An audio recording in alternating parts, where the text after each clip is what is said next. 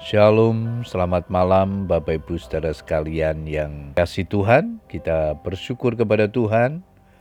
Malam hari ini kita kembali dapat bersekutu bersama dengan keluarga kita untuk menaikkan doa-doa kita kepada Tuhan. Namun sebelum berdoa, saya akan membagikan firman Tuhan yang malam hari ini diberikan tema hidup rukun mendatangkan berkat. Ayat mas kita di dalam Mazmur 133 ayat yang pertama, Sungguh alangkah baiknya dan indahnya apabila saudara-saudara diam bersama dengan rukun.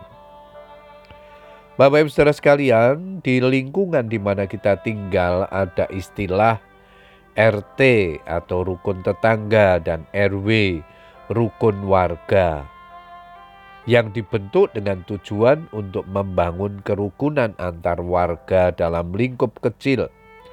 Mengapa kerukunan itu penting? Sebab bila masing-masing warga memiliki hubungan yang dekat dan saling mengenal satu sama lain, mereka bisa bekerja sama dan saling tolong-menolong sehingga tidak ada gap di antara mereka.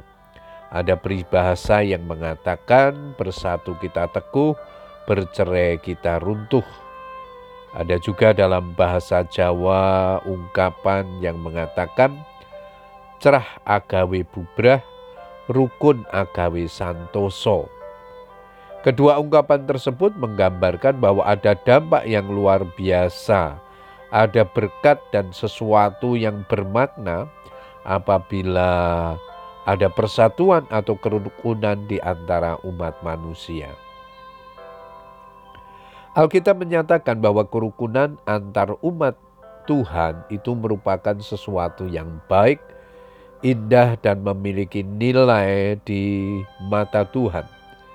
Sesuatu yang dapat menggerakkan hatinya, sehingga Dia akan memberikan apa yang kita perlukan jika dua orang daripadamu di dunia ini sepakat meminta apa pun juga, permintaan mereka itu akan dikabulkan oleh Bapakku yang di surga. Matius 18 ayat 19. Jadi hidup dalam kerukunan adalah kehendak Tuhan bagi gerejanya. Dalam doanya di dalam Yohanes 17 ayat 21 di sana Tuhan Yesus berdoa demikian supaya mereka semua menjadi satu sama seperti engkau ya Bapa di dalam aku dan aku di dalam engkau agar mereka juga di dalam kita supaya dunia percaya bahwa engkaulah yang telah mengutus aku. Jadi jemaat Tuhan harus selalu rukun dan bersatu. Jangan ada permusuhan, pertengkaran, kebencian, sakit hati dan sebagainya itu hanya akan menjadi penghambat berkat Tuhan bagi kita. Sebaliknya, jika kita rukun dan bersatu, segala berkat akan dicurahkan Tuhan, sebab ke sanalah Tuhan memerintahkan berkat dan kehidupan untuk selama-lamanya. Mazmur 133 ayat yang ketiga B. Dalam setiap komunitas gereja maupun keluarga pasti banyak perbedaan namun jangan sampai membuat kita merasa tidak memerlukan orang lain atau menyepelekan orang lain. Karena itu hendaklah kamu ramah seorang terhadap yang lain, penuh kasih mesra dan saling mengampuni, sebagaimana Allah di dalam Kristus telah mengampuni kamu.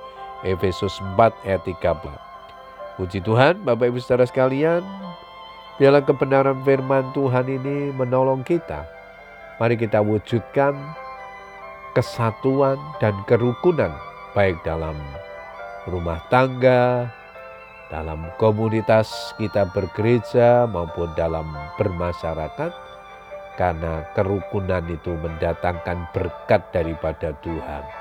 Kerukunan itu sesuatu yang menyenangkan hati Tuhan. Mari kita wujudkan supaya berkat Allah boleh dicurahkan dalam kehidupan kita. Selamat berdoa dengan keluarga kita.